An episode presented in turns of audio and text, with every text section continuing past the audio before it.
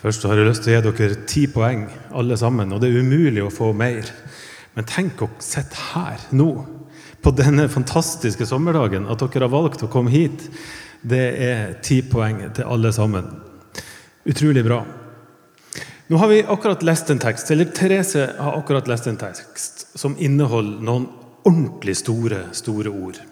Frihet, sannhet, synd og så kan man jo lure på hva skal man si på et kvarter om så store ord. Det blir jo bare å skrape i overflata uansett. Men vi får prøve. ok?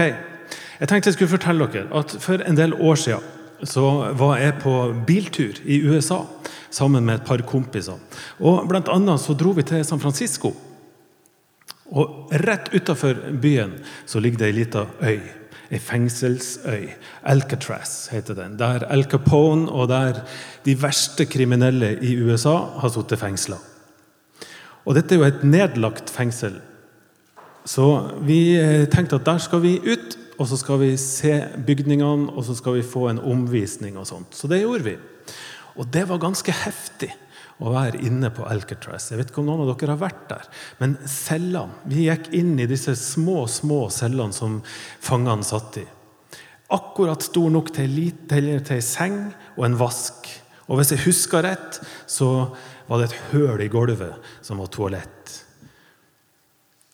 Tre vegger i massiv betong. Den fjerde veggen der var det svære gitter ut mot de andre cellene og ut mot en gang der vaktene hadde gått og passa på.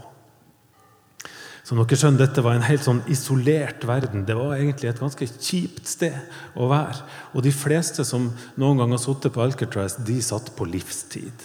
Altså, Det var ikke noe håp om å noen gang kunne komme seg ut derifra.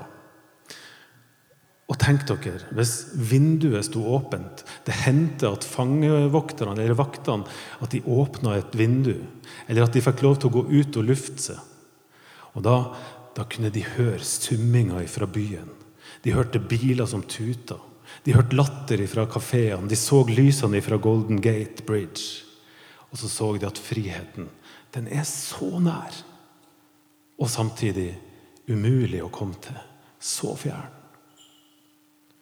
Det var utenkelig at noen skulle klare å rømme. Fengselsdirektøren, når det kom en ny fange, så sa han alltid 'velkommen hit'.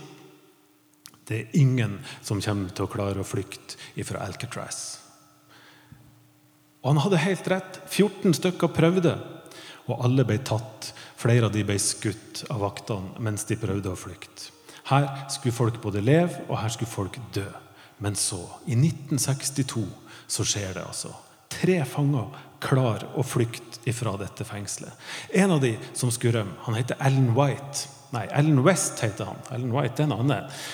På dagen disse fangene de jobba inne i fengselet. Og På dagen så jobba han sammen med andre fanger for å male eh, bygningene innvendig. Og Da oppdaga Ellen West at den øverste etasjen i bygget det står tomt. En gang så hadde det vært et svært ventilasjonsanlegg der. Men nå var det blitt demontert. Og alt var fjerna, og alt var murt igjen. Bortsett fra ei lita sjakt som gikk gjennom taket og opp på, tak, på taket av bygningen. Det oppdaga han. Og så oppdaga han en, to ting til. Det ene var at under dette rommet der var det en gang som var full av et sånn virvar av rør og ledninger. og sånt. Hvis han kunne komme seg dit, da kunne han klatre på disse rørene opp i det tomme rommet. Det oppdaga han. Og så var spørsmålet hvordan skulle han komme seg dit på natta da, uten at noen oppdaga han. Han hadde oppdaga det at fengselsmuren den begynte å smuldre opp her og der. For greia var at Toalettene på Alcatraz de ble skylt av sjøvann. Så salt og fukt det gjorde at det var mulig å skrape og hakke vekk små biter av muren her og der.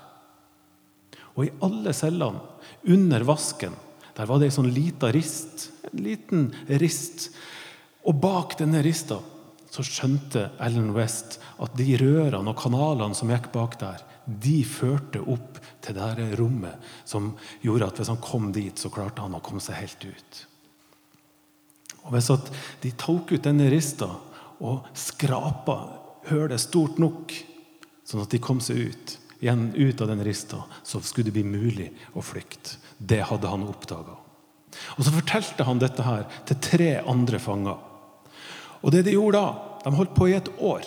Så smugla de inn kniver og gafler og skeier og sånn fra kjøkkenet. Og så begynte de å hakke og gnikke og gnu på dette hølet, denne rista, for at det skulle utvides og bli stort nok. De smugla verktøy inn for å skru ned ting som kunne være i veien på fluktruta. Og så tok de inn regntøy og andre flytende ting, sånn at de skulle ha med seg i flukten. Så kunne de lage ei flåte som de kunne fære av gårde på fra øya. Det var planen. Det høres litt Donald Duck ut, ikke sant? Men det funka av og til med Donald Duck. Altså, etter et år så var altså kvelden kommet. De hadde laga noen hoder av papp som pappmasjé og tatt med seg hår fra frisøren på, i fengselet. Fått laga hoder som ligna litt på dem sjøl. Dette la de i senga. så Hvis eh, vaktene så inn, så skulle det se ut som de lå der og søv. Og så krøp de gjennom hølet på hver si celle, disse fire. Men ironisk nok, altså, så hadde han Ellen West Han har laga hølet i cella si litt for lite. Så han kom seg ikke gjennom. Han hadde planlagt at han skulle sparke vekk de siste restene liksom, på vei ut. Og så klarte han det ikke. Han ble sittende igjen. Betongen var for hard. Og de andre de prøvde å sparke han ut fra andre sida, men de ga opp. Og så skjønte de at det er nå eller aldri, så vi forlater han. Snakkes. Altså, Kan dere tenke dere for en nedtur? Hæ? Åh, det må ha vært så fælt å bli forlatt på den måten der.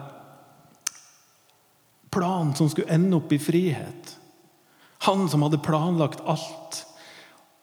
Og så ble det det motsatte som skjer. Det som skulle føre opp i frihet, det ville nå garantert føre til at han bare fikk enda lengre straff. For fluktforsøk. For en nedtur.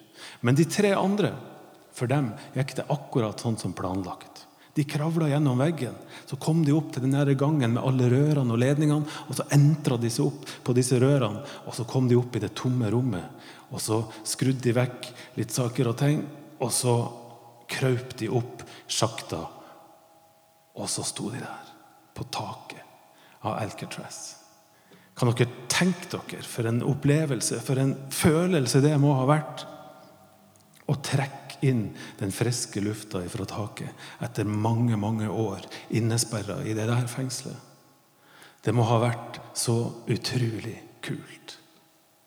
Og derifra så var flukten ganske enkelt, for disse har flykta fra andre fengsel før. Dette kunne de. De bare firte seg ned fra taket. Så kom de seg over noen murer og noen piggtrådgjerder og litt forskjellig. Og så satt de den primitive båten på vannet, og så gikk de om bord. Og etter det så har ingen sett dem. Etter det så ble de borte. Er ikke det litt tøft? Hæ? Ja, men det er jo litt heftig. Tenk, hva var det som skjedde? Hva tror dere? Altså, Drukna de? Det er mange som tror det. Kom de seg i land? Det er også mange som tror det.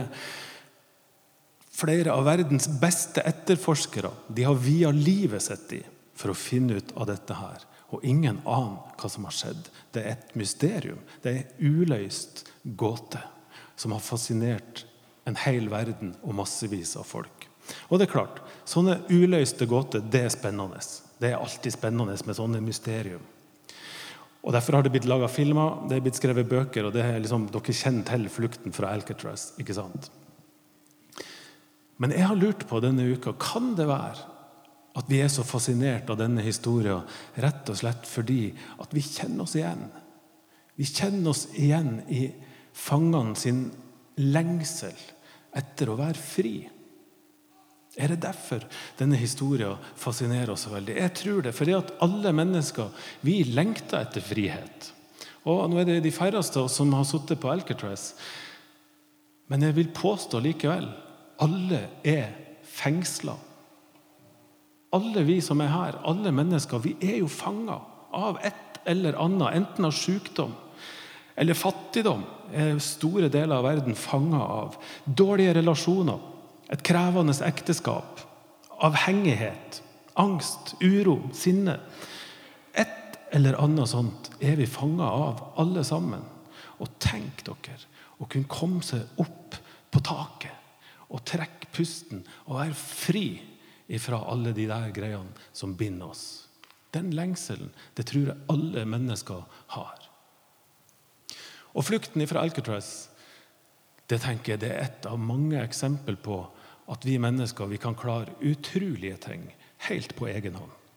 Vi kan altså komme så langt med egne krefter. Mange har klart å frigjøre seg fra avhengighet eller fra fattigdom, eller hva det skulle være, nesten, bare ved å kjempe hardt nok, stå på. Det går an. Men så vet vi at for de aller, aller fleste så er det ikke så enkelt. Bare spør alle oss som har hatt et nyttårsforsett en gang iblant. Snakkes i slutten av januar. Så vet jeg i hvert fall åssen det har gått med mine nyttårsforsett. Viljestyrken var ikke helt sånn som jeg hadde tenkt. Jeg kom ikke videre i det hele tatt. Og tenk på Ellen West, som ble sittende i fangenskap resten av livet. Sjøl om han hadde en genial plan, sjøl om han sto på det går ikke alltid sånn som han ønska. Og teksten som Therese leste fra Johannes 8, den handler om akkurat det. At av og til så klarer vi ikke å rømme. Av og til så klarer vi ikke å ordne opp på egen hånd. Men vi er helt avhengig av å bli sluppet fri av noen andre. Husker dere fortellinga? Jesus han er altså i tempelet i Jerusalem. Han har havna i en samtale med noen jøder som har kommet til tro på Og disse jødene de visste hva det vil si å være fanga. For jødefolkets historie den handler masse om ufrihet, om fangenskap, om deportasjon og om undertrykkelse. Men denne gjengen den har fått et håp om at Jesus er Messias, den store frigjæreren som skulle sette israelsfolket fri fra den romerske okkupasjonsmakta og så skulle han gi landet fred og velstand og en ledende posisjon. Det er settingen. Og så begynner disse folkene å prate med Jesus. Og så gir Jesus ingen tegn på at han har tenkt å oppfylle disse forventningene og disse ønskene. Men tvert imot så introduserer han dem for et nytt fangenskap. Han sier alle, også dere, er slaver. Og hva er vi slaver av? Jo, vi er slaver av synd. Og de som hørte på, ja, de visste hva det vil si å være en slave. Det var like ille som å sitte, være fange i et fengsel. Altså, En slave tilhører ikke seg sjøl. En slave kan ikke påvirke sin egen situasjon. En slave kan ikke flykte ifra sitt fangenskap. En slave sitt eneste håp om forandring det er at noen andre kjøper slaven fri. Det er den eneste måten å slutte å være slave på. Og dette visste tilhørerne. Og så reagerte de med en gang. Husker dere hva de sa? De sa ja, men vi trenger jo ikke å bli kjøpt fri.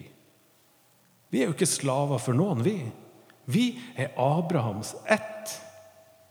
Og hva betyr det? Jo, det betyr at de sa vi holder jo Moseloven, vi. Masse detaljerte bud om hvordan vi skal leve.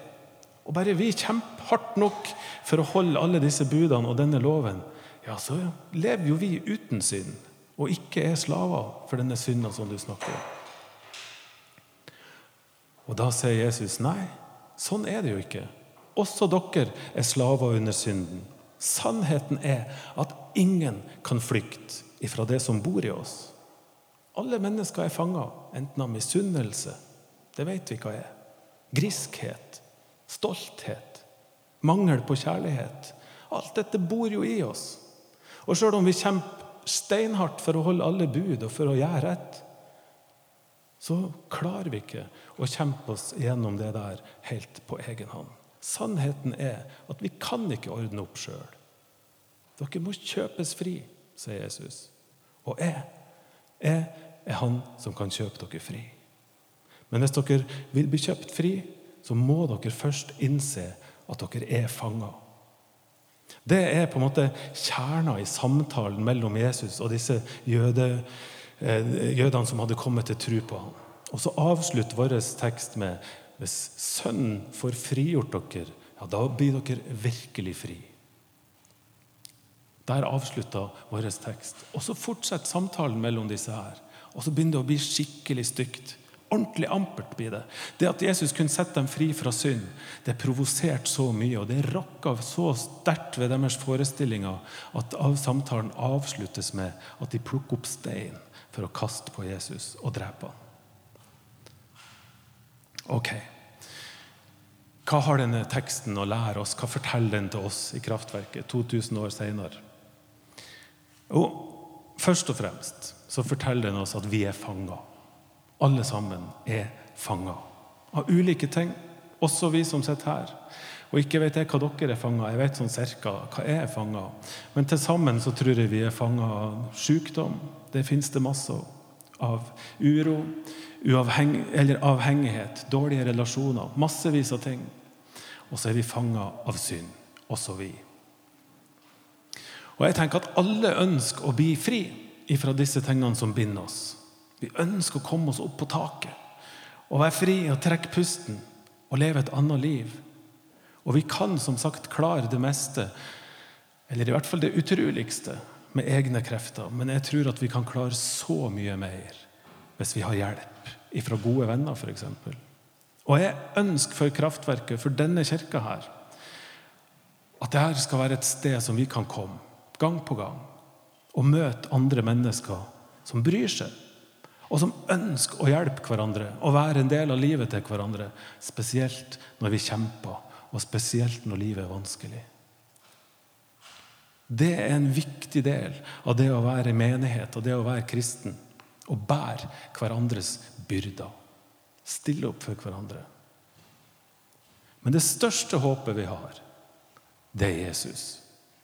Jesus som en gang sa, 'Kom til meg, alle dere som strever og bærer tunge byrder.' Så skal dere få hvile. Husk dere fangene på Alcatraz som kunne høre lydene, se lysene, kjenne lukta av den frie verden der ute. Og Jesus han lovte aldri at livet skulle bli smertefritt. Men han har lovt at han skal gi oss noen sånne glimt av himmelen her på jorda. Han har lovt at vi skal finne hvile i strevet. At vi skal finne glede når vi sørger. At vi skal finne fred midt i uroen hvis vi kommer til ham. Og Jesus han er aldri lenger unna enn ei bønn. Og I stedet for å kjempe for å bli fri på egen hånd, så kan vi ganske enkelt gå til Jesus og ta imot den friheten som han har å gi. Vi tenker ofte at frihet det er å løsrive seg ifra noen ting. Paradoksalt nok så er det å binde seg til Jesus det er også en vei til frihet.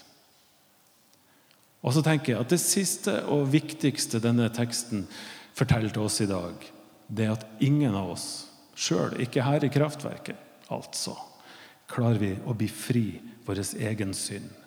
Synd er en del av våre liv. Dårlige tanker, dårlige valg som skiller oss og fjerner oss fra Gud og fra hverandre. Det, også det er sannheten om vårt liv. Vi er fanga av synd, også vi. Og Sjøl om vi gjerne skulle komme oss ut av dette her på egen hånd, så fins det ingen vei opp på taket som vi kan klare å lage sjøl. Vi må bli kjøpt fri. Men sannheten er også den, og det er den beste nyheten som fins, at Jesus har altså allerede kjøpt oss fri. Tenk det. Vi skal slippe å ordne opp på egen hånd, for Jesus har kjøpt oss fri ved å dø på et kors og ved å stå opp igjen fra de døde, og på den måten ha bekjempa alt det onde. Og nå, nå, skal vi snart ha nattvær. Nattverden den er helt frivillig. Det er helt greit å bare se på og observere hvis dette blir for fremmed. Men hvis du tenker at ja, dette er rett, dette er sant. Jeg er fanga. Jeg er fanga av mange ting, og noe av det kan jeg kanskje klare å flykte fra eller ordne opp i på egen hånd. Men andre ting er faktisk helt avhengig av Jesus for å klare. Og synda mi, ja, den kan jeg ikke gjøre noe med på egen hånd. Her har jeg ikke noe annet håp enn at Jesus skal kjøpe meg fri. Hvis du tenker det, ja, da er nattverden for det. Da er nattverden dekka bord for å gå til Jesus og bli kjøpt fri.